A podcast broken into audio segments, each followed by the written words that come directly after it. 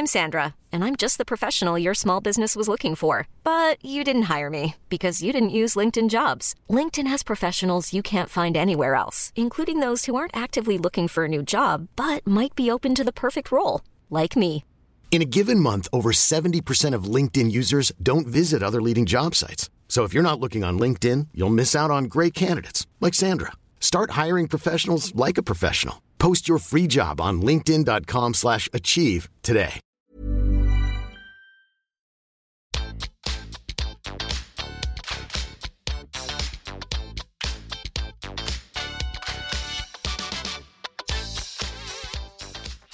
Sammen, og velkommen tilbake til podkasten Karriereveiledning med Elaine. I dagens episode har jeg gjort et nydelig karriereportrett sammen med min eminente gjest Ayman Shakura. Og Ayman Shakura, det er et navn du bør merke deg. Jeg håper denne episoden her kommer til å blåse deg av banen og inspirere deg. Du kommer til å bli bedre kjent med Ayman sin karrierereise, for etter ti år på flukt så ble Norge hjemmebane for trygghet og starten på en ny reise. Ayman han gikk fra å pusse sko og pante flasker til å omsette for over 100 millioner kroner og ansette over 100 personer i ulike selskaper som han har startet opp selv. Han har mottatt fire gasellediplomer og ulike priser for sitt arbeid. I dag turnerer Ayman Norge rundt for å skaffe flere flyktninger og fremmedspråklig jobb. Han brenner for inkludering, innovasjon og bærekraft, og han er mannen bak det suksessfulle prosjektet. Altså det er en hel haug av prosjekter som går under tittelen Give a Job og Charge Incubator. Ayman han er utdanna siviløkonom og er en veldig ettertrakta foredragsholder både i Norge og utlandet. Hans reise og suksesskode inspirerer mange mennesker til å ta viktige skritt for å sette action rett og slett på drømmene sine. Så mine venner, nyt episoden, lytt til de kloke ordene Ayman har, og så gleder jeg meg til å høre fra dere. Enjoy!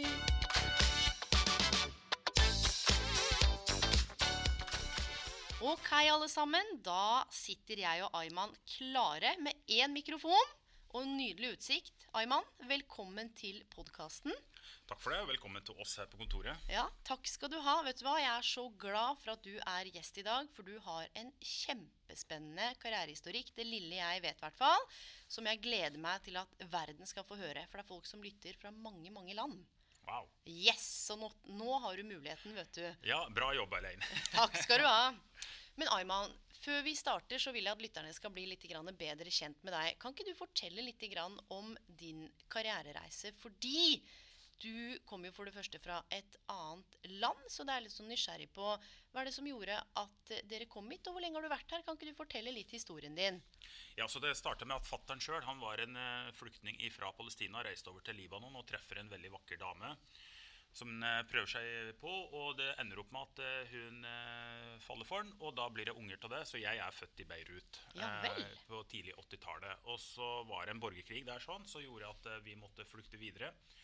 Så ifra jeg var 0 til 10 år, så var vi på flukt innom tolv ulike land i Midtøsten, Afrika og Europa, før vi endelig kom til Norge og, og søkte asyl. Wow. Husker du noe av Vi skal ikke langt men hva husker du noe av de årene? Jeg husker spesielt eh, det var kraftig jordskjelv og naturkatastrofe i Algerie. Og så var det flom og, og matmangel og virkelig spesielle forhold i Sudan. Eh, men samtidig også så var det jo mye flotte mennesker som var eh, veldig behjelpelige, slik at eh, til tross for alle de utfordringene som fantes, så fantes det støtt noen som var behjelpelige, slik at vi klarte å komme oss videre. Om det var eh, så ekstreme forhold som det var i Sudan, hvor det var virkelig farlig til tider, så var det alltid noen mennesker som sørga for at vi fikk den akkurat nok hjelp til å komme oss videre. Selvfølgelig dette her i kombinasjon med mora mi som eh, støtt var eh, innstilt på at eh, ja, vi vet ikke hva som skjer her nå, det er usikkert, men sjansen er mye større for at vi kommer oss gjennom det om vi tar neste skritt og, og, og går videre, rett og slett. Og da endte vi opp i Norge til slutt, på tidlig 90-tallet. Var det bevisst å velge Norge da, eller var det litt sånn tilfeldig? vet du det? Jeg tror det var eh, litt tilfeldig, for eh, Norge mm, og Skandinavia var nok sånn på en måte kremen til Europa, slik jeg eh, husker prosessen var. Og, Og, og Norge, da, da var den ekstra heldig. Kom du deg til Europa og fikk Mm. asyl, så var det bra. Men kom du deg til Norge eller Sverige, så var det toppen. Da har du gjort det. Så når vi kom hit, så var vi veldig glad for det. Men da søker man om asyl, og så kan du få opphold, og ellers kan du få avslag. Og vi fikk eh, etter hvert mulighet til å bo i landet. Hvor lenge venta dere? Vi venta ca. ni måneder før eh, situasjonen, eller ca. et år da, før det var avklart. Men da sitter du og venter på at noen skal bestemme om du får bli i landet, eller om du blir forvist, altså om du må Ja. tilbake igjen et eller annet sted. Hvor skulle dere dra tilbake da? Nei, det hadde vært ganske vanskelig, for at vi er jo papirløse når du kommer fra Palestina. Eh, og så det er en liten utfordring. Og jeg forstår jo det. altså Et land sånn som Norge og mange andre land, som får mange som har lyst til å bo her, må jo gjøre jobben sin og se om disse faktisk har rett på asyl i Norge. For der kan jo være noen som ikke har det. Så vi forsto den prosessen, selv om den er, det er ubehagelig å, å bo i usikkerhet i, over så lang periode. Og på det første året vi var i Norge mens vi venta på avklaring, så var vi og bodde på ulike asylmottak. Vi ble flyttet litt rundt. Noe skulle legges ned, noe skulle pusses Ja. opp og litt sånn forskjellig. Så, Men Kunne dere gå ut av asylmottaket, eller var det sånn at her må dere sitte inne, og det er litt sånn, det er begrensa hvor langt dere kan gå, redd for at dere skal stikke av? Å nei da, det er, det er ganske fritt. Begrensningene er ikke noen som setter for deg, men du får jo veldig begrensa med penger, slik at uh, du kommer ikke så langt. du har verken bil eller råd til å, å stikke på noe særlig tur. Så det blir jo til at du er på asylmottaket, og så er du kanskje ned på matbutikken en tur, og, og, og barna leker sammen i, i, på asylmottaket og sånt noe. Så Ja, for det var vel mange andre der òg, da? ja da, så det er ulike størrelser på de asylmottakene. Ja, vi har vært innom åtte ulike asylmottak rundt omkring i landet. Så noen plasser så kan det være 80 stykker, andre steder kan det kanskje være 300-400. Og ulike nasjonaliteter, ulike religioner, alt. Alt mulig. Du kommer sikkert ikke til et sted som er mer mangfoldig enn et asylmottak, i hvert fall den gang. Så kanskje siden da så har det blitt litt sånn at eh, asylmottakene fylles opp litt etter hva slags eh, internasjonale kriser man har. Men på den tida på tidlig 90-tallet så var det alle mulige nasjonaliteter. Wow. Mm. Og det er jo noe med det, ikke sant? for den podkasten her handler bl.a. om karriereveiledning, og vi skal gjøre et karriereportrett av deg. Ja. Og det å leve et sånn type mangfold gir jo også en form for kompetanse. Det er jo ikke sikkert man tenker på det da, eller kanskje når man er så ung. Mm. Og vi skal jo tilbake til litt senere i karrieren din også, for det er jo interessant rett og slett at dere kom hit, vært på flukt. Og så hvor er det dere ender opp med å bo, da? Ja, da, har vi, da har vi sett landet, vi har sett hvor fantastisk det er. Og når, når vi får mulighet til å komme med et ønske på hvor vi vil eh, bo fast, da, så var det ikke noe tvil. Og da endte vi opp på Toten, et sted som heter Lena Ja. på, på Toten, på bygda.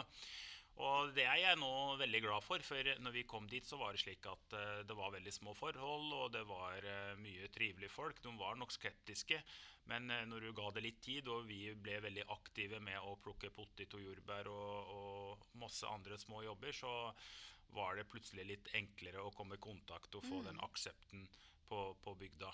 Så for meg så var jo Toten rett og slett mulighetens land. For at uh, istedenfor å gå og vente på at foreldrene mine skulle få seg jobb og, og, og bedre økonomiske forhold, så kunne jeg isteden uh, banke dører rundt omkring på bygda til Ja. folk og klippe plen, uh, plukke potet når det var sesong for det, stein, masse sånn gardsarbeid. Og på den måten så fikk jeg mulighet til å tjene egne penger og kunne styre litt mer hva jeg hadde lyst til å kjøpe. sånn av sykkel og, og betale for mine egne skoleturer. og Og ikke minst bli kjent, da, som du sier. Jeg kjenner jo Ja. godt til Toten og den ene gata på Lena som man råner opp og ned. Ja, Eh, og så er det jo noe med som du sier, at man er kanskje litt skeptiske, men så handler det også om at du aktivt gikk ut, eller dere aktivt gikk ut og gjorde noe.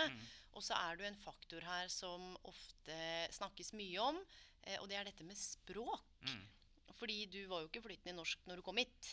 Nei da, på ingen måte. Så en, uh, lærer uh, selvfølgelig språk og ikke minst eh, sosiale koder. Altså når er du skal si ting, og når skal du la være, og når når skal du virkelig markere deg og andre sånne forhold? Så det kommer veldig mange fordeler ved det å, å komme seg ut og, og ta noen jobber. Og så var det slik at det ikke støtt disse jobbene var veldig godt betalt, men eh, de, de var likevel lønnsomme, for det kom alltid noe go godt ut av det. Enten en ble skint med nye mennesker, eller at en i det hele tatt eh, lærte nye ting, nye ferdigheter som hun kunne bruke til å få seg en bedre jobb eller en annen jobb et annet sted. Mm. Så du holdt jo på med alle disse forskjellige jobbene og gikk på skole. Og så sa du at du begynte å spare penger til sykkel. og eh, Fortell litt grann mer da om den perioden, for da hadde du jo tydeligvis flere jobber og gikk på skole. Det var stort sett det du gjorde da, eller? Ja, ja, ja, det var eh, faktisk ikke så veldig mye mer. For at du vet, em, når du kommer til, som ny til Norge, så er det slik at eh, det er en del utfordringer, men så er det også bøtter og spann med fordeler. Fordelene her er jo at eh, vi hadde verken hytte eller båt eller eh, scooter eller noen ting.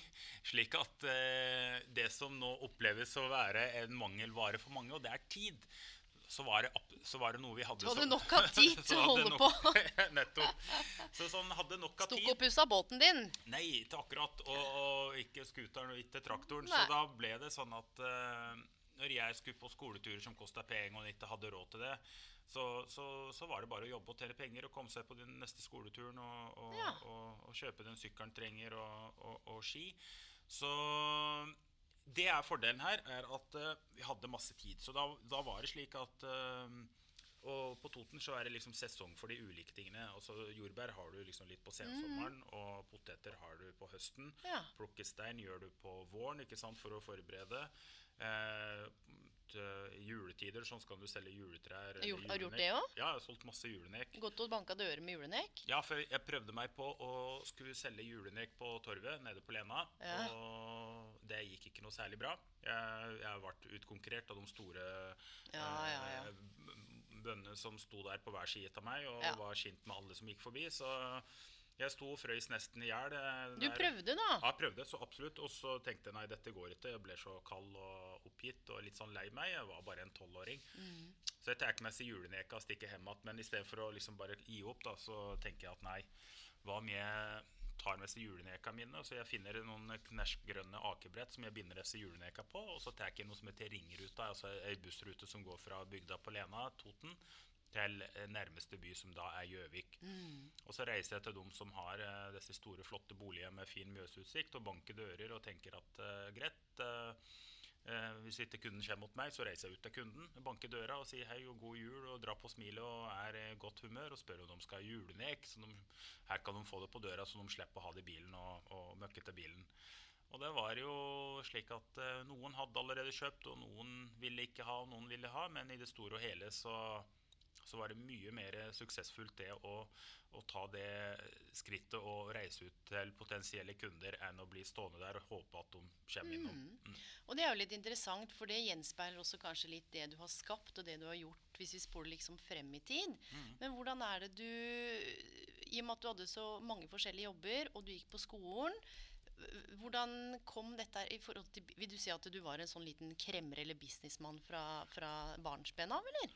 Ja, så eh, dette her eh, vil jeg nok uh, tro er en sammensetning av ulike ting. For det som var situasjonen, var jo når vi var på flukt innom alle sitt tolv landa, så var det til tider veldig vanskelig. Og det var jo slik at eh, når, du, når jeg sto og så barn med ryggsekk på vei til skolen, og jeg ikke kunne gå på skole eh, Når du så jo barn med foreldra sine ikke sant, går og kjøper gode altså, godteri da, i butikker og sånn, og jeg ikke kunne gjøre det, eh, så ble det noe som ble etter hvert ganske viktig for meg, at jeg har også lyst på, på det livet.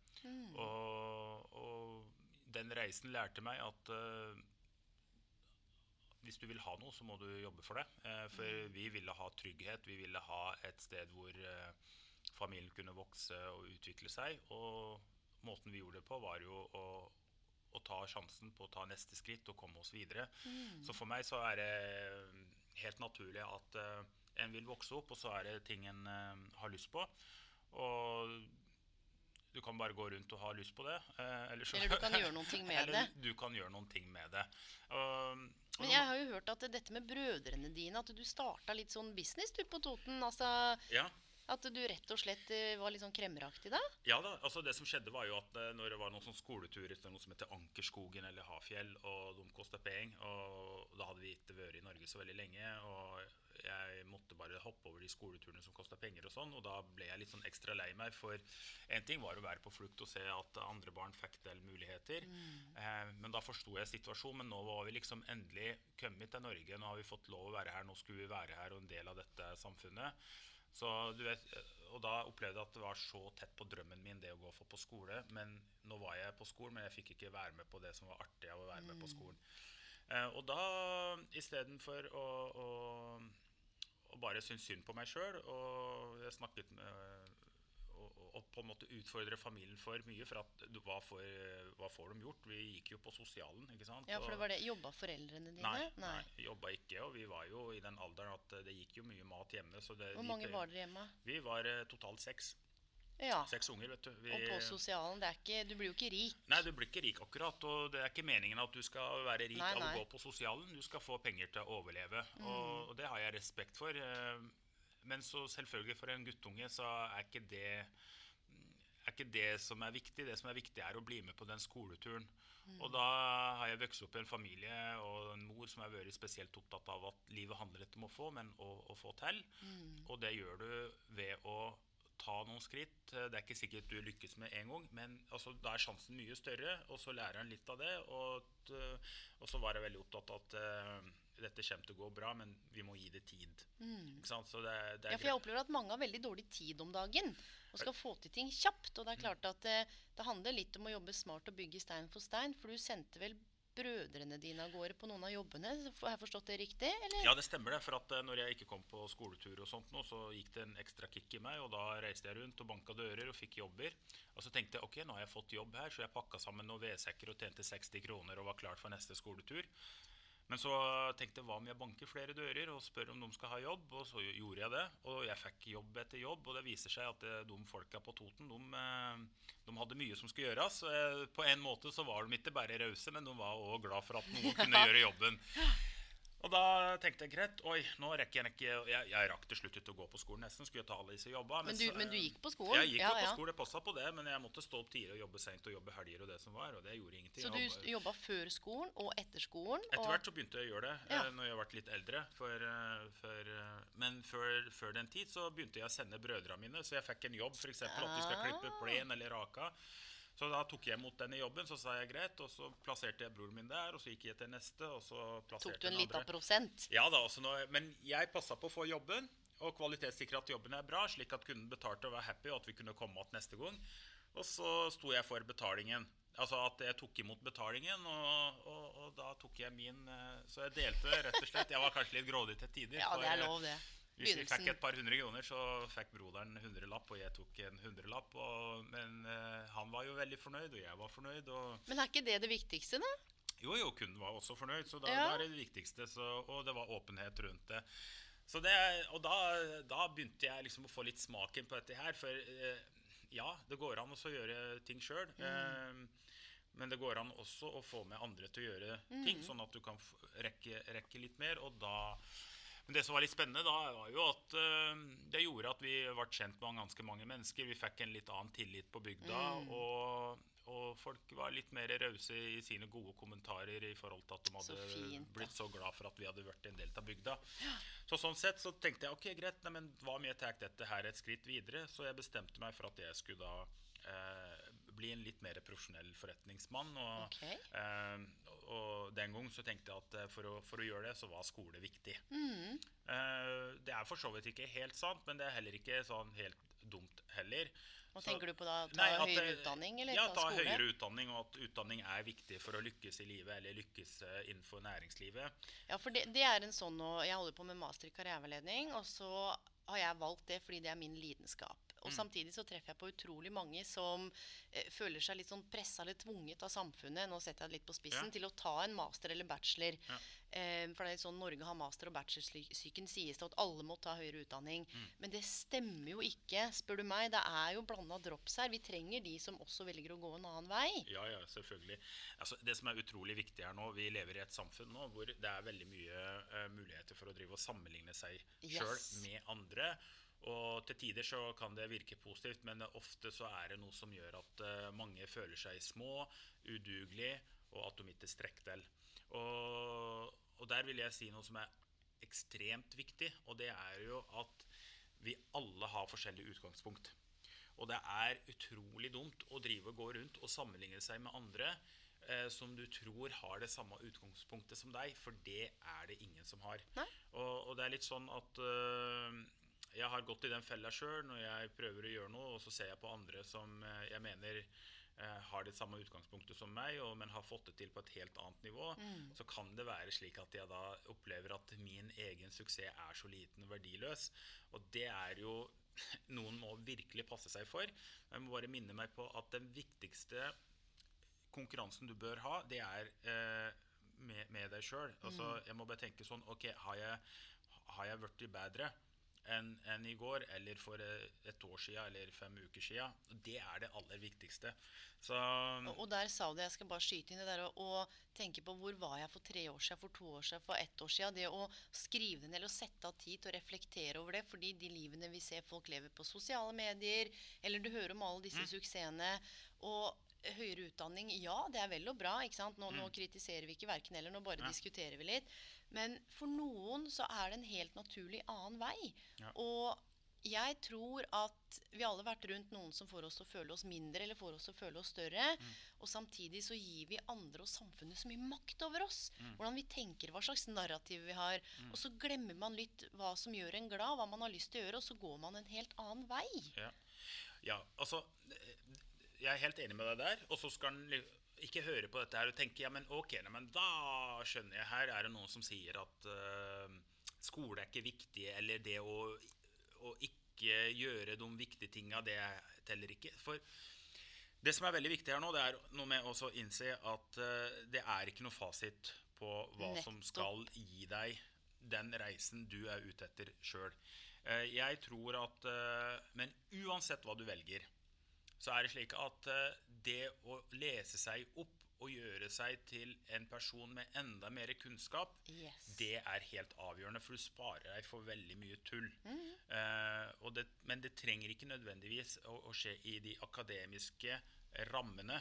Men det kan godt skje gjennom eh, at du tar et kurs eh, på nett, eller leser en bok eller artikkel, eller aller best da, at du kanskje kommer i kontakt med folk som har vært gjennom den reisen du ønsker sjøl, og, og, får de som en slags formell mentor eller mindre formell mentor.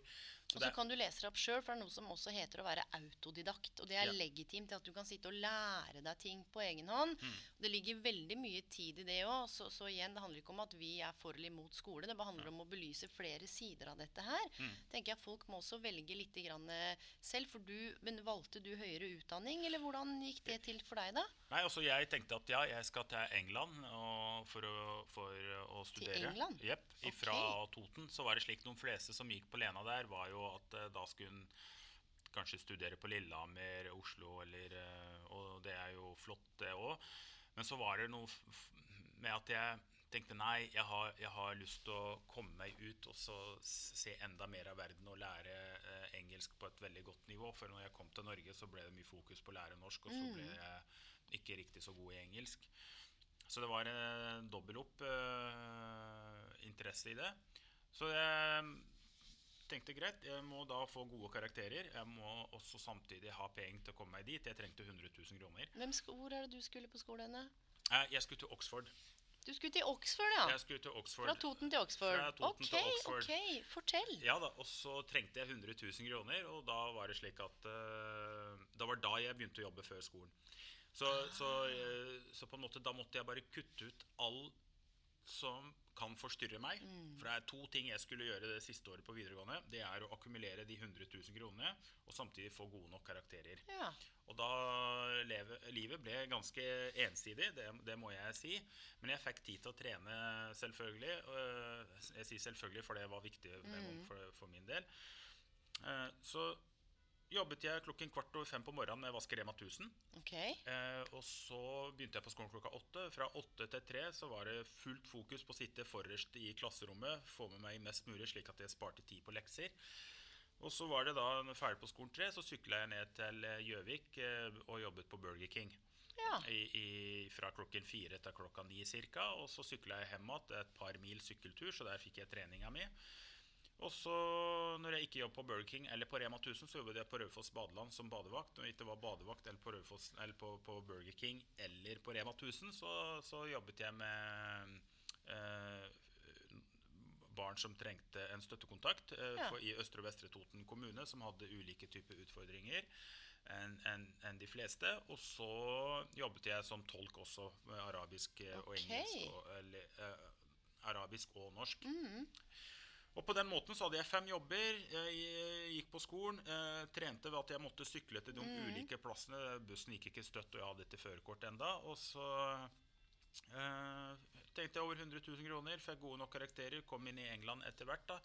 Og skolen begynte ikke før i oktober, begynnelsen av oktober, 30. september, 1. oktober, et eller annet der. Og så tenkte jeg greit, nei, men nå har jeg de penga jeg trenger, jeg har kommet inn, så hva om jeg da bare fortsetter å jobbe? Og jeg begynte bare å jobbe enda mer, for nå hadde jeg ikke skolen, nå kom sommerferien, ikke sant? Og, og på den måten så klarte jeg å spare egenkapital til å komme inn på eiendomsmarkedet også. Hva? Jepp. Og da ja, for Hva? At, ja, ja, ja. Ja. For, ja da, jeg stakk innom banken og spurte om å få boliglån og sånt, og så sa de nei, det går ikke, du må ha fast jobb og sånt. nå. Så viste jeg at jeg hadde så mange jobber. Den, før så fikk du jo lønnsslipper i posten. Yes. Jeg hadde den svære bunken, vet du, og noen var fremdeles ikke helt fornøyd. Men da startet jeg mitt eget selskap, eh, like så godt, eh, som het Aymanns puss og salg, og drev med vinduspuss. Grunnen til at jeg På Toten, eller? På Toten, ja. ja da. Så grunnen til at jeg starta det, var jo for at uh, en av de jobba jeg hadde, uh, var jo også å pusse vinduer for en som heter Nils Christian Sørensen, en danske.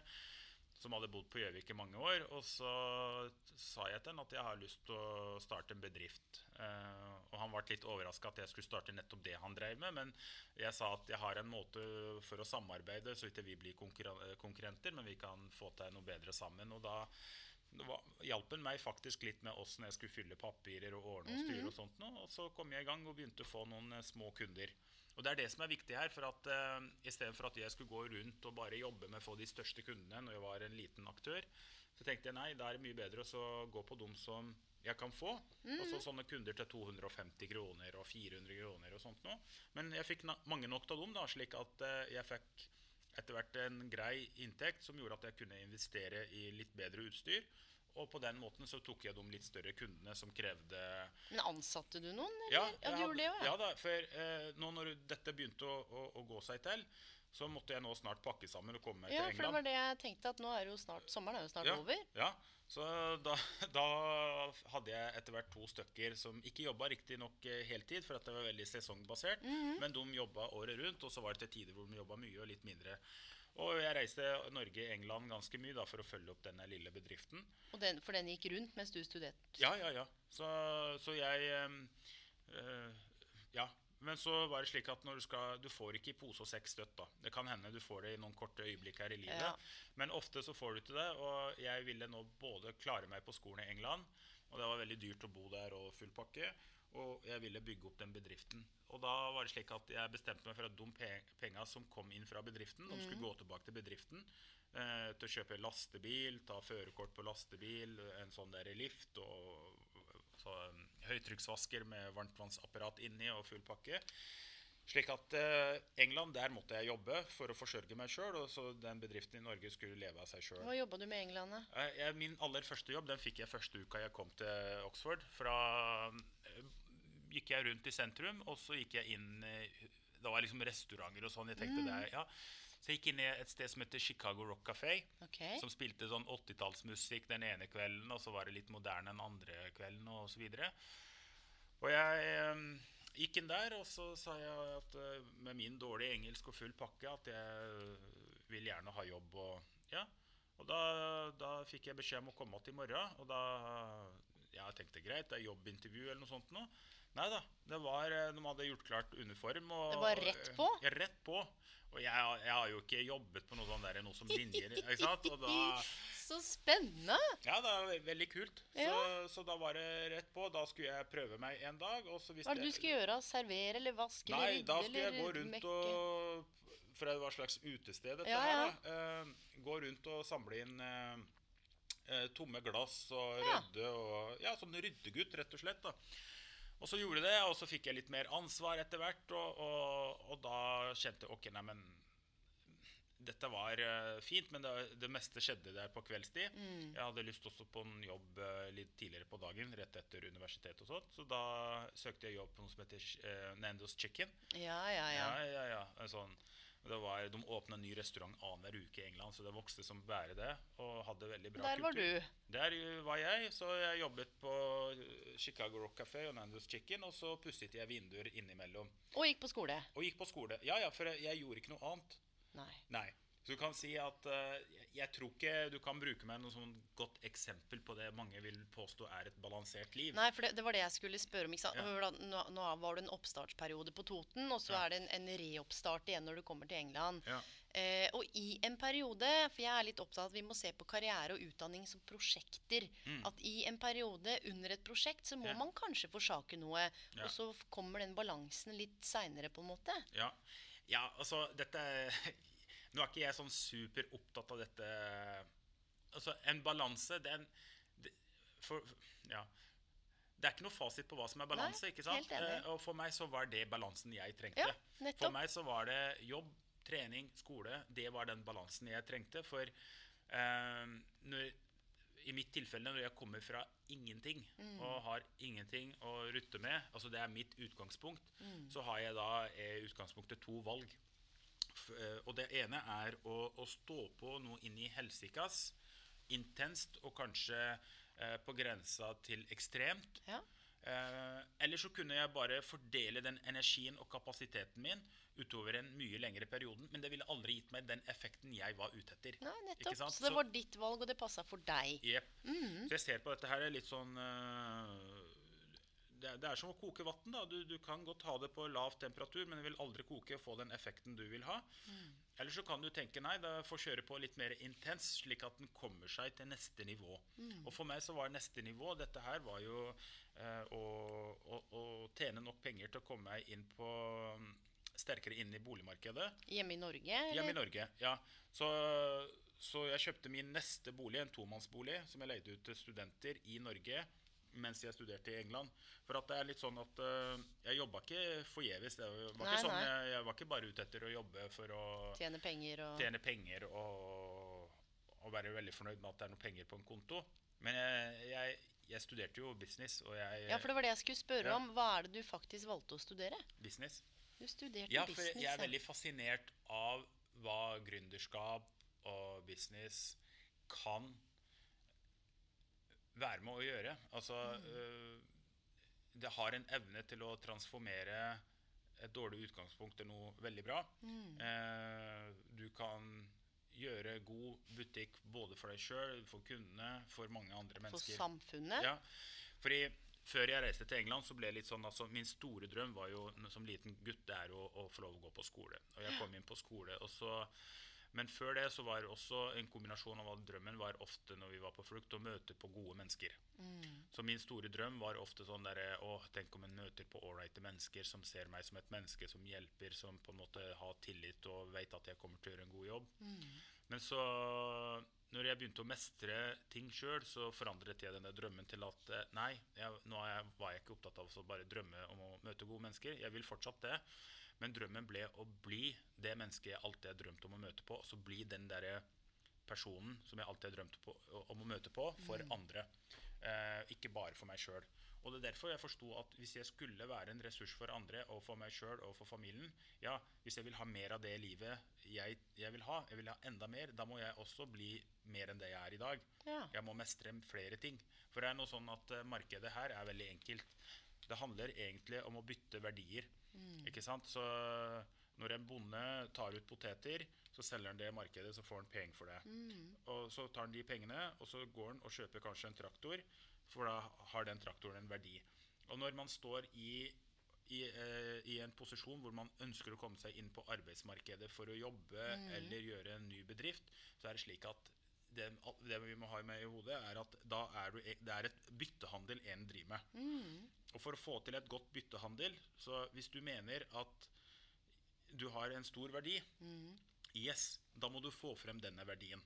Og noen ganger for å få frem denne verdien, så kan det være at du har masse ressurser, men du trenger å bli enda bedre på å formidle de for å få enda bedre betalt for dine ressurser. Så for meg så kjente jeg på at jeg har utrolig mye guts, og jeg er veldig lojal når jeg jobber med noen. Men hvordan skal jeg få dette her enda tydelig frem? Det er derfor jeg valgte skole. Jeg ville ha et profesjonelt språk. Ja. Jeg ville ha enda et språk å stå på. Jeg ville ha en akademisk eh, tyngde, slik at jeg kunne få enda mer i, i, i det bytteforholdet jeg vil ha med markedet. Og samtidig så tror jeg på at kunnskap er utrolig viktig. Uansett og ok, altså Du kan få masse kunnskap av noen som er eh, på 90 90 år gamle, og du kan få det av noen som eh, har en helt annen kompetanse der. Men det sparer det, det, var sånn, at- så det sparer for veldig mye unødvendig jobb. Så en av mine store drivkraft er jo hvordan kan jeg oppnå ting som har en stor betydning for meg og andre eh, på kortest mulig tid. Okay. Altså, er det mulig å gjøre det som vanligvis tar ti år, og gjøre det på tre år, så er det da, Så det er den kampen, den usikkerheten, den, eh, den reisen, den trigger meg. Og, og det gir meg mulighet til å være opptatt av de forskjellene som virkelig er med og utgjør en, en betydelig forskjell. Da. Ja, Altså, fordi du, hvis vi hopper litt inn, inn i fremtiden, da, etter skolen så kom du til, nei, tilbake, så- etter skolen så kom du tilbake til Norge. Da har du utdanna deg. Mm. Ja. Sant? Du har investert i enebolig. Ja. Hva, hva, hva skjer videre med karrierereisen din da? Nei, da bestemmer jeg meg for at eh, ok, eh, hvis jeg da mm, Hvordan skal jeg være med å gi mulighet til mennesker? Hvordan kan jeg bidra til at eh, mange som nå står utenfor arbeidslivet, som har vært i min situasjon og familien min sin situasjon, hvordan kan vi bidra til at de også får seg jobb? Og da startet jeg, tenkte jeg greit, jeg skal gjøre akkurat sånn som, folk, sånn som det var på Toten. Eh, altså, der var det slik at eh, folk ga meg muligheten. Eh, og de anerkjente meg for eh, hva jeg var god til. Og, og det var ikke alle, men de fleste. Og det var akkurat det jeg trengte, og det gjorde at jeg satsa enda mer og, og ville få til. For det er jo med på å bygge både selvfølelse, selvtillit, integrering, mening, mestring. Mm. Det er jo mange superlativer her. Altså mange ting som er viktig knytta til det å, å være i arbeid, eller eh, i hvert fall ha noen som tror på deg. Ja, det er klart det. det er, eh, vi er til slutt mennesker, og vi har mye følelser. Og en vet når en har gjort god jobb sjøl. og så er det nå slik at eh, det er, uh, i hvert fall i en ung alder spesielt, så er det ekstremt viktig å få bekreftelser fra noen utenfor. Og én ting er å få de gode bekreftelsene, men altså må få muligheten. Og jeg tenkte, Hva om jeg starter en bedrift, da, og så ansetter jeg folk som ikke vanligvis får seg jobb så mange andre steder pga. ulike forhold som arbeidsmarkedet straffer dem for? Hva da? Typiske ting. Nei, Det kan være at de, ikke, de har vært langtidssykmeldt og ikke har vært i jobb de siste fem åra og skal inn igjen i arbeid, og så er det mange som er litt skeptiske. Hull i CV-en. Hull i CV-en. Oh. Og så kan det være at de har et rart navn eller ikke snakker flytende norsk. da, Mm. Så er det også en begrensning. Og så kan det være at uh, de ikke har så mye kurs eller har nok utdannelse. Nei, for det er én ting. For at det, som jeg sa til deg, og mange som hører på den podkasten her òg, de lurer jo på dette med at man mangler kompetanse eller mangler erfaring. Og fordi man mangler kompetanse og erfaring, så blir man ikke satsa på, nettopp fordi det står tre års erfaring. Ja. Og så kommer du og gir folk en mulighet som kanskje ikke har noe erfaring, eller som har noe annen kompetanse. Ja, og da, da, klart, da, tar jeg en større risiko. Men Ja. oppsiden min eh, er jo også større hvis dette går bra.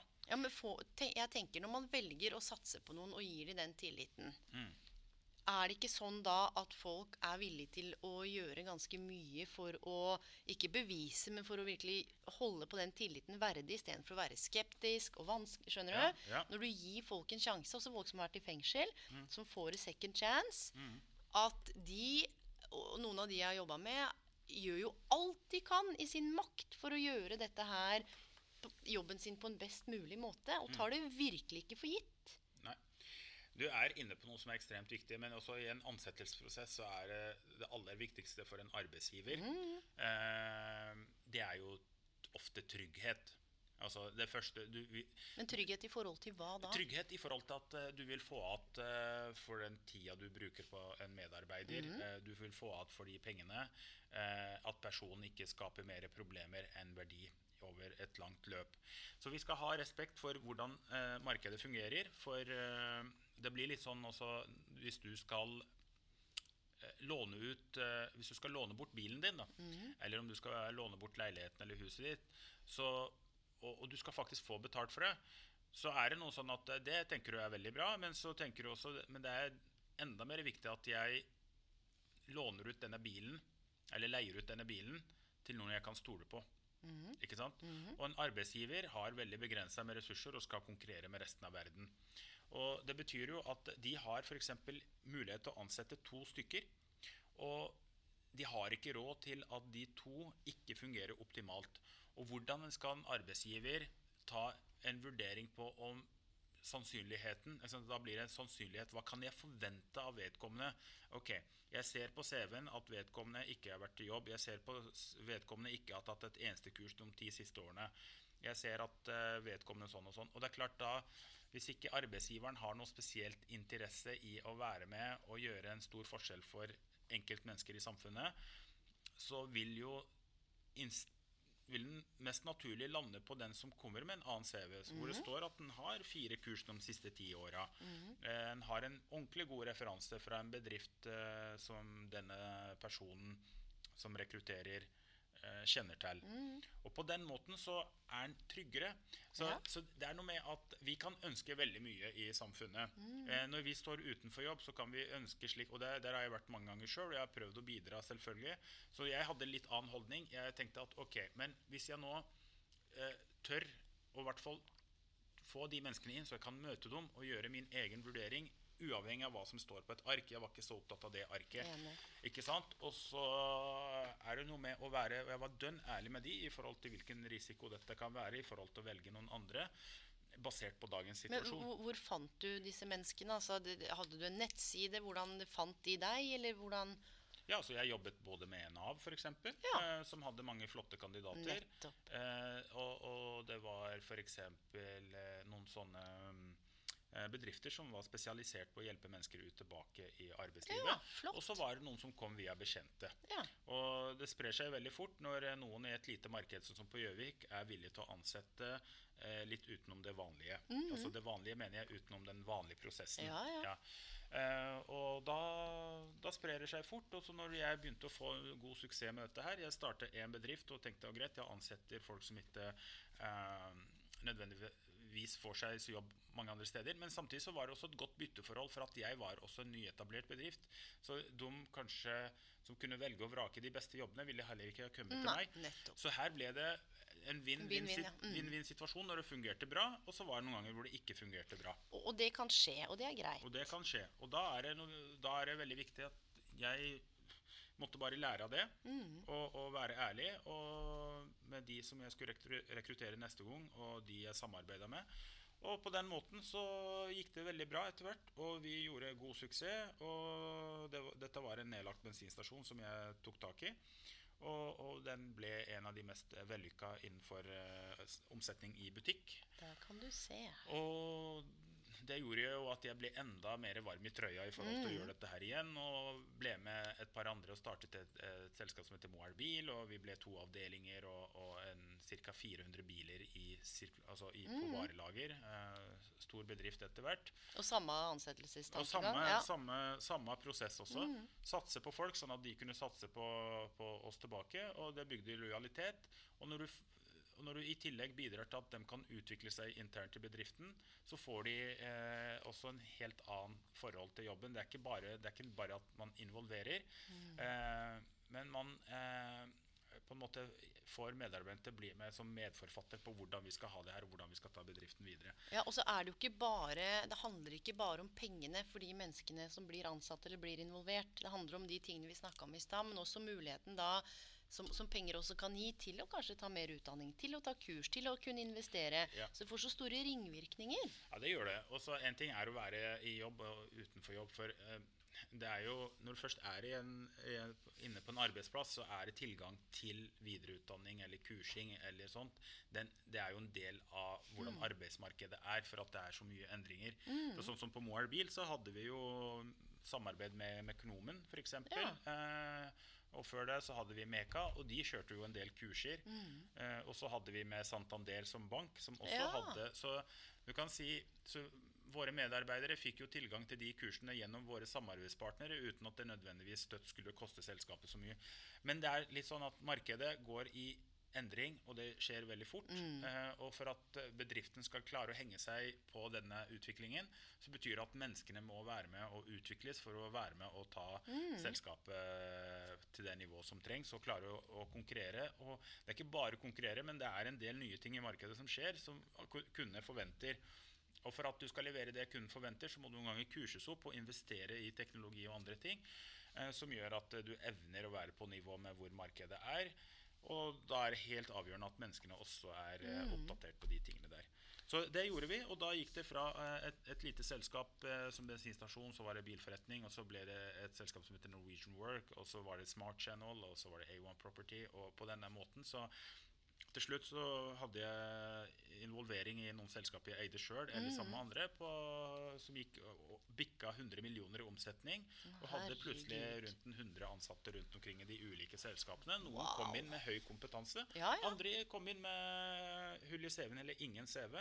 Men den blandingen av Ja. mennesker gjorde at vi nå fikk en sinnssykt god kultur. Mm. Og, og, hvor vi tok vare på hverandre og hadde respekt på ulikhetene. Og det var nettopp de ulikhetene som gjorde at vi ofte klarte oss bra. For det vi holdt på med, var jo eh, Noe måtte være veldig faglig og teknisk. Andre ting handlet rett og slett om service og hvordan møte mennesker.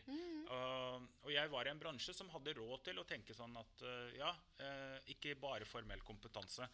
Så jeg gikk fra null til over 100 millioner i omsetning. Syntes dette var bra. Men så tenkte jeg uh, at uh, Og vi Du var ikke fornøyd da? Nei, nei, nei. Altså det, det, målet var jo som Kan jeg bygge dette videre slik at man har 1000 ansatte etter hvert? Og, og, har, og at eh, minimum halvparten av de kom inn i, inn i, inn i denne eh, Det som skulle bli da et, eh, et konsern via mindre tradisjonelle måter å rekruttere på, slik at den kunne være fornøyd og være, leve opp til den drømmen om å faktisk være en ressurs utover bare til seg sjøl og sine nærmeste.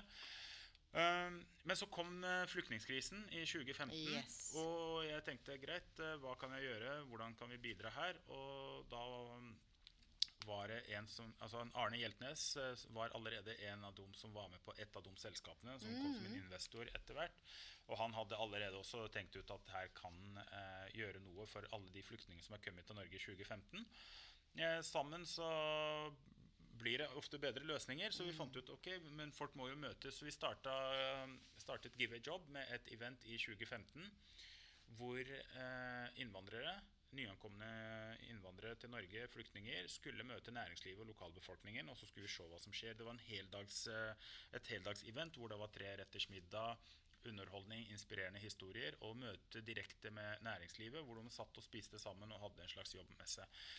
Og det fungerte jo så Og folk kunne få seg jobb, eller? ja, da. dette, ja, Job? Ja. Altså, dette her var ikke noe, Vi kunne ikke love noe, men vi mente at sjansen var mye større. For at de, ofte så er det slik i arbeidsmarkedet at du får ikke jobb via å søke tradisjonelt, Mm. eh, som regel, selv om du har den rette kompetansen. For mange jobber blir jo aldri utlyst, ikke Mm, sant? Så i privat eh, næring så tror jeg bortimot 70-80 Stemmer går via kjennskap og bekjente. Og da er det noe med at hvis du ikke skinner om rette folka, eller folk i det hele tatt, så, så, så på en måte så er ikke du aktuell. Selv om du burde være aktuell. Det er som å ha et veldig bra produkt. Eh, ei klokke som er verdt eh, 100 000, som du er villig til å, å gå ut i markedet og selge for 50 og da ville du of, som regel ha fått solgt det, men da må folk vite om det. Men hvis den ligger for eksempel gjemt i et skap, så, så hjelper det jo ikke. Og Sånn er det med oss menneskene. så Vi kan ha mye ressurser, og vi kan akkurat de tingene en bedrift trenger, men hvis ikke de vet om oss, eh, så blir vi ikke aktuelle for den jobben. For at ofte så er det slik at de rekrutterer via kanaler som de er vant til å gjøre. Og det kan være via bekjentskap og, og, Mm. Og folk må vite at du fins. Jeg sier det noen ganger. Det å, å finne seg jobb er litt sånn som Lotto. Det er litt stygt å si, for det høres jo så utrolig stusslig ut. Men Ja. man kan gjøre alt mulig for å øke oddsen. Yep. Og folk må nettopp vite at du fins gjennom de Mm. Ikke bare kanalene, men vi var inne på noe i stad også. Én ting er å vite at du fins, en annen ting er å klare å formidle kompetansen din. Ja. Og da er du nødt for å treffe på noen som er villig til å høre på deg, eller hvor du får muligheten til å faktisk fortelle hvem du er. Ja. For det er ikke så lett å få fram det en CV og en søknad, og så er det noe, og det vet jo vi òg, Mm. når du møter mennesker, så får du et helt annet inntrykk enn bare noen ord på et papir. Nettopp. Ja, ja. Og så er det noe for den Dette her, som alt mulig annet, det, er, det trenger øvelse. Det er ikke sånn at du går på en eh, konferanse eller en slags eh, sosial event, og så treffer du noen, og så ansetter du dagen etter. Her handler det om å gjøre dette her eh, Altså, jo mer du investerer i slike event, slike anledninger, jo større sjansen blir for at du blir bedre, og jo bedre du blir, og jo flere du treffer, jo større er sjansen for at du får deg jobb. Så da gikk dette så bra, det arrangementet. 15 stykker fikk seg jobb, og Oi! tenkte wow, dette er rått. Så dette hadde vi lyst til å gjøre litt mer av, og da bestemte jeg meg for å ta ett år fri i hele 2016 og reise rundt i Norge og hoste slike arrangementer. Så vi reiste fra Trondheim til Stavanger, Kristiansand, Oslo, Gjøvik, Wow. Toten og sånt noe. Og så hvert arrangement hadde sånn typ alt mellom 400 til 800 mennesker som kom. Og det var utrolig kult, for at vi fikk en del drahjelp av eh, Noen ganger bare fra SalMar, noen ganger fra Marine Harvest. Flott, eh. Mm. Petter Stordalen, Scandic Hotels, eh, Thon. Altså de store aktørene i næringslivet. Eh, et selskap som heter Hero. Og noen stiftelser. Så det var, dette var dugnadsbasert. Og da tenkte jeg greit, nei, men jeg gjør dette her ett år og er med og gjør noe virkelig betydningsfullt. Igjen akkurat som jeg tenkte når jeg skulle utdanne meg og ta mer kompetanse for å bli noe mer. Det går ikke an å spre det utover for lang tid. Noen ganger må du bare satse hardt. Og da eh, syns jeg dette ble så meningsfullt at jeg tenkte nei, jeg må ta ett år til. Så da gjorde jeg det i 2017. Og da begynte det å gå litt utover økonomien, og sånn, så jeg endte opp med til slutt å selge meg ut til alle mine små bedrifter Oi. for å finansiere dette her. Ja. Og den største finansieringen var å finansiere meg sjøl. Eventene var jo slik at vi fikk jo sponsing fra de ulike Ja, ja. aktørene. Og mat og sånn, da. ja, det, jo ja, ja, men det var liksom Bama, det var Salmer, Ja, så det var noen nettopp. eh, Bodø bakeri, ikke Ja. sant. Uh, ulike steder vi var. Så da ble det Og dette gjør jeg fortsatt. Reiser rundt i Norge og hoster Gjør du det? Ja da. Og det som vi skal gjøre nå som er utrolig spennende, f.eks. Eh, 1. februar nå. OK. Eh, så eh, dette er noe nytt vi gjør. Det er en aktør som heter Sitecom, som driver med eh, bredbåndtilknytning til nye adresser. Og de er ute etter å ansette folk. Så nå 1. februar så skal vi ha et event her i Oslo. Hvor Give a job-event, altså? Give a Job Event sammen med eh, Sitecom, hvor det skal være mat, inspirasjon, gode historier. Men der er det slik at ti stykker kommer til å bli ansatt på dagen. Og det, eneste, ja da, og det eneste vi er ute etter, er folk som har eh, førerkort. Og har interesse for å jobbe og liker å være ute, for dette vil innebære eh, å, å, å gjøre noe gravearbeid ute. Ja, ja. Eh, og måle avstander og den biten der. Så mer om dette kan jo folk vite når de eventuelt kommer på eventet. Ja, ja, og jeg kan jo legge det ut òg. Ja, gjør det, er du snill, for det, dette er en kjempemulighet. Der er det ti stykker som skal ansettes. Det er ikke formelle krav som legges til grunn, men det er innstilling, holdning, og at man har en mul mulighet til å komme seg rundt med bil. da. Og så vil selskapet stå for opplæring og, og utvikling av medarbeiderne. Men du, jeg skal bare si, for du sa noe innmari viktig her. Det er innstilling. Og vet du hva jeg har lært gjennom de siste ti åra med, med karriereveiledning og det å jobbe med så mange tusen mennesker? At de som lykkes, har ikke alltid den rette kompetansen. Eller de kan mangle kompetanse, eller de kan mangle papirer. Men det er evne, innstilling og holdning, og det å få fram motivasjon og bidrag, og virkelig er du ikke enig i at entusiasme og genuinitet og virkelig ønske om å gjøre noe, at det smitter mye mer enn noe annet når du er i møte med et annet menneske?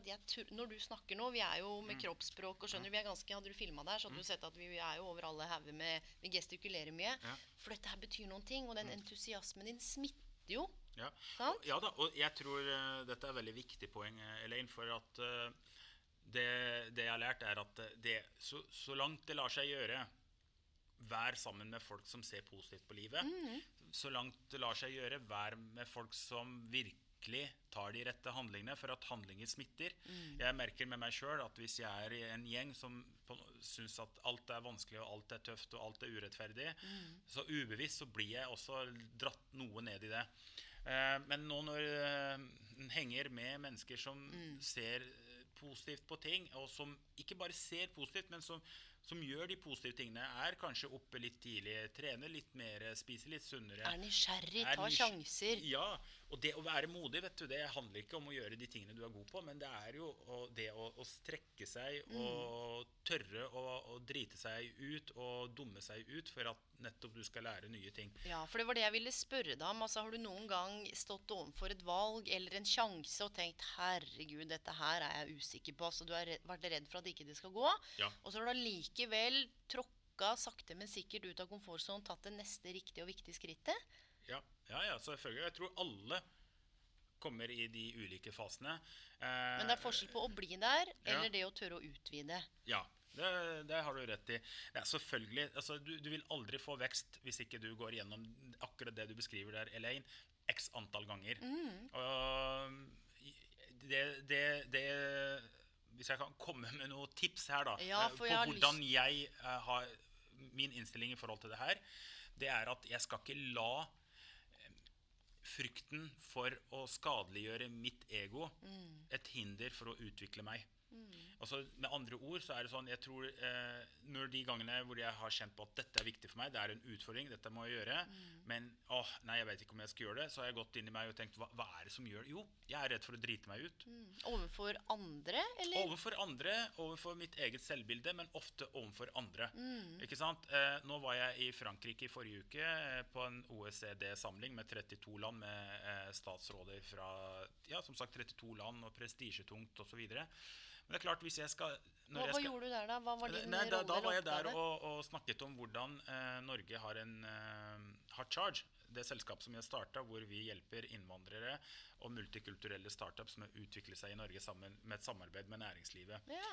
Uh, Så det gjør du også. En ting er give a job, Ja, så- men, men jeg har muligheten, hvis jeg kommer fra Syria eller Tyskland eller hvor som helst, så kan jeg få hjelp, altså etablere støtte, eller? Nei, Hva- hva- dette er mye mer. Dette er sånn at sant, Give a job handler om å, å få mennesker til å møte næringslivet og Ja. etablere kontakter og komme seg og få seg jobb. Og så Ja. har jeg sett at det er mange som kanskje også har lyst til å starte bedrift, men det er veldig vanskelig. Så startet en inkubator som heter Charge. Eh, og Charge er, eh, hjelper et sted mellom 50 til 100 gründere hvert år med å etablere sitt eget selskap. Med sine ideer som Med de sine ideer. Ja, så det er 50 til 100 som i totalt er i 20 startups. Eh, Som vi hjelper gjennom et helt år. Vi gir dem kontorplass, regnskapsveiledning, Oi, oi, advokatbistand, eh, Alt, forretningsutvikling. Ja. Og der har vi samarbeidspartnere som KPMG, Danske Bank, eh, eh, Hero, eh, Kvarts. Altså, og da, på denne måten så kan de starte og utvikle sitt selskap. Og på den måten istedenfor å bare jakte etter å få seg en jobb, så kan de heller jakte på å realisere drømmen sin, hvis det er det det er. da, Og starte en bedrift og heller ansette flere. Og, og nå de siste tre åra med Charge så har vi jo sett mange flotte sånne eksempler vi kanskje ikke har tid til å gå inn på nå. Nei, for vi, vi må folk- nemlig lage en runde til. Og jeg, Ja. bare en forlengelse av det du sier nå, så må jeg lese opp eh, Jeg la jo ut at du skulle komme hit. Ja. Og jeg har fått så mange tilbakemeldinger. Jeg skal bare lese den ene. Ayman is one of the one who is behind my work today. He stands with me from zero, zero until today. A real guy who cares for others and support. For sure. Tell him Daniel is loving you. Ja. Noahs ark, dette. Yes. yes. Så dette er bare ett eksempel på flere Etter jeg la ut i går at du skulle komme hit, så har jeg fått så masse spørsmål til deg. Jeg tror vi må lage en ny episode, for vi rekker ikke gå gjennom Nei. alle spørsmålene. Det har kommet inn over 40 spørsmål til deg. Wow. Mhm, Og det har kommet inn loves og high fives og hils Ayman, og han redda livet mitt. Og hadde ikke vært for Ayman, så hadde jeg ikke gjort det jeg gjør i dag. Jeg hadde ikke turt å gå for drømmen. Alt altså, Ja, jeg rekker ikke lese det opp engang. Jeg satt og det bare rant inn i går. Ja, Jeg la ut at du skulle hit. Det gleder meg å høre. Nei, vi, Så du har jo blitt det mennesket som du så på flukt ja, for veldig mange. ja, ja, det er godt å høre. Og jeg har eh, ja, nei, Det gleder meg å høre. For at, Er ikke det eh, sykt? Det bare, ja, jeg, I går jeg satt jeg ble rørt. Jeg bare herregud og herregud. Det bare rant inn. ja, Så, er- så, ikke sant? Og, og dette er litt sånn interessant avslutningsvis. Eh, ordet suksess er et eller annet begrep som ble funnet opp på 1500-tallet. Men hvordan man definerer suksess for seg sjøl, er jo opp til hver enkelt. Ja. Og nå skal ikke jeg legge ord i munnen på deg, men jeg så at du ble litt rørt nå når jeg, når jeg leste det opp. Ja. Og kanskje en av de definisjonene utenom økonomisk vekst, at man bidrar til samfunnet, altså, er jo akkurat dette her. Er jo sånn tydelig tegn på at du virkelig har lykkes. Ja. Øh, og så er det Det er klart Ja, altså hvis du opp, så, så lenge jeg oppnår de tingene som jeg jobber hardt for, eh, så er det i seg sjøl suksess. Og for meg så handler suksess om å gjøre de tingene jeg syns er vanskelig.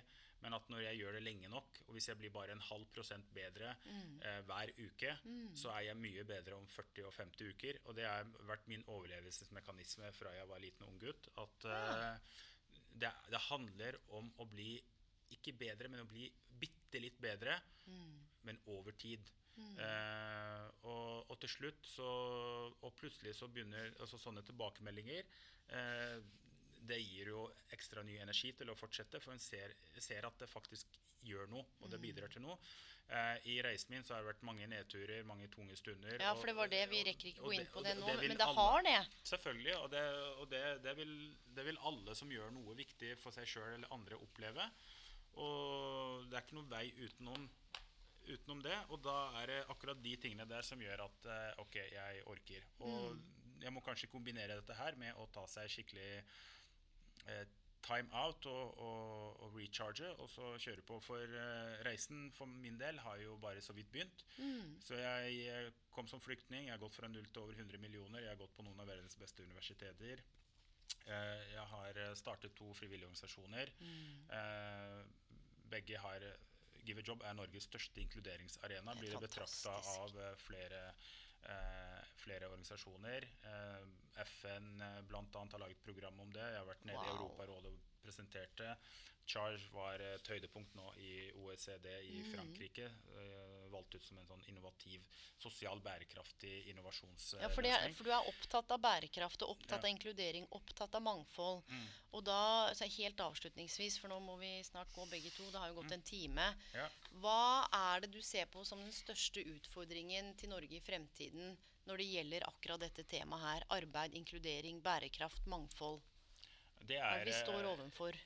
det vi står overfor, den største utfordringen, det er å, å, å klare å få eh, folk i arbeid. For eh, altså sosial bærekraft Jeg tror vi, vi ligger veldig godt an til eh, til bærekraft i forhold til klima. Eh, Jeg sier ikke at vi, det er unnagjort, men vi, vi er veldig flinke der. Eh, Vi må bli enda flinkere i forhold til sosial bærekraft. Og, og måten å oppnå det på, det er å gi flest mulig folk mulighet til å jobbe. Uh, og det er absolutt alle som i dag kunne vært i jobb, som ikke er i jobb. Enten for at de er for gamle, eller at de er for uh, for smarte, eller at de, de ikke passer inn i de Rammene. eh, rammene. Så det er vårt ansvar, både som næringslivet, offentlige apparatet, og det popper opp mange gode sosiale entreprenører, Mm. det er å komme opp med løsninger som gjør at flere kan delta i arbeidslivet. Mm. For gjør vi det, så kan vi oppnå også andre typer bærekraftsbarometre Mm. eh, når folk har det bra, og folk har det bra når de først jobber. Og, og, og hvis de ikke kan jobbe, så må vi klare å, å støtte dem på andre måter. For det handler om at eh, nasjonen Norge må ha flest mulig mennesker som er eh, som opplever at dette her er et, eh, et godt sted å bo, for det er det. Eh, og, og da er det, det er ikke noe tvil om at arbeid for folk som har, er ferdig med skole eller er klare for det, er det viktigste vi kan være med å bidra til. Ja, og der sa du er klar for det òg. For det, det, det kan jo ta litt tid for noen ta- som kommer hit om introduksjonsprogram, og det kan være traumer, det kan være ting som skal bearbeides. Yes. Eh, Så det er ikke alle skal jo ikke bare hives ut i jobb uten at en del ting er avklart. Det må jo finnes sant, en balanse der igjen, da. Ja. Mellom hvem som er klare og hvem som ikke er klare. Og der tenker jeg at samfunnet også må ta litt ansvar i forhold til å se på hvem er det vi raskt kan hjelpe, og hvem trenger litt annen støtte på andre områder. Ja. Det er helt riktig. Tusen takk, Ayman. Nå begynner du å pakke sammen. Siste 30 sekundene er ditt beste karrieretips til de som hører på. Og det er folk fra alle nasjonaliteter, alle mulige land, alle mulige aldre, all mulig ryggsekk og bagasje. hva er ditt aller beste karrieretips eller karriereråd? Definer hvor er det du vil være nå og om noen år. Hva som skal til. Og så kom i kontakt, få deg en mentor. Få deg en mentor på en formell måte eller mindre formell måte, men en person som har vært igjennom akkurat det du har lyst til å oppnå, kan spare deg og hjelpe deg langt på vei og øke dine sjanser for at du kan lykkes. Så det er, eh, Og så må du være nysgjerrig, åpen og modig. Og bli litt mer komfortabel med det som er mindre komfortabelt å gjøre over tid. Så, så, så vil sjansene så, og, og, og, så må du bare konkurrere med deg sjøl. Bli en halv prosent bedre for hver uke eller for hver måned, så vil du være et helt annet sted om et år. Nydelig. Tusen takk, Arman. Takk for at du valgte å være gjest. Alle sammen, ha det godt så lenge. Ha det godt.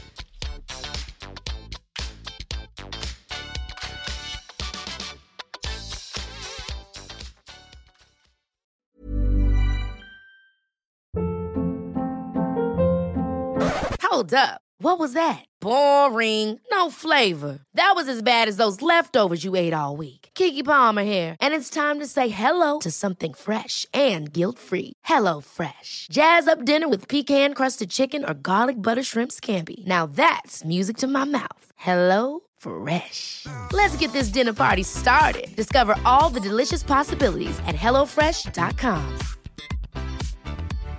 My business used to be weighed down by the complexities of in person payments.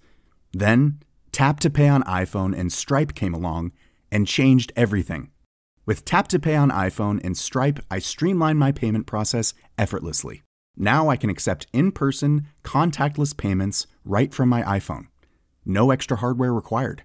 What's truly remarkable is how I can cater to all of my customers' payment preferences. Whether they're using cards, Apple Pay, or other digital wallets, Tap to Pay on iPhone and Stripe ensure a smooth checkout experience every time.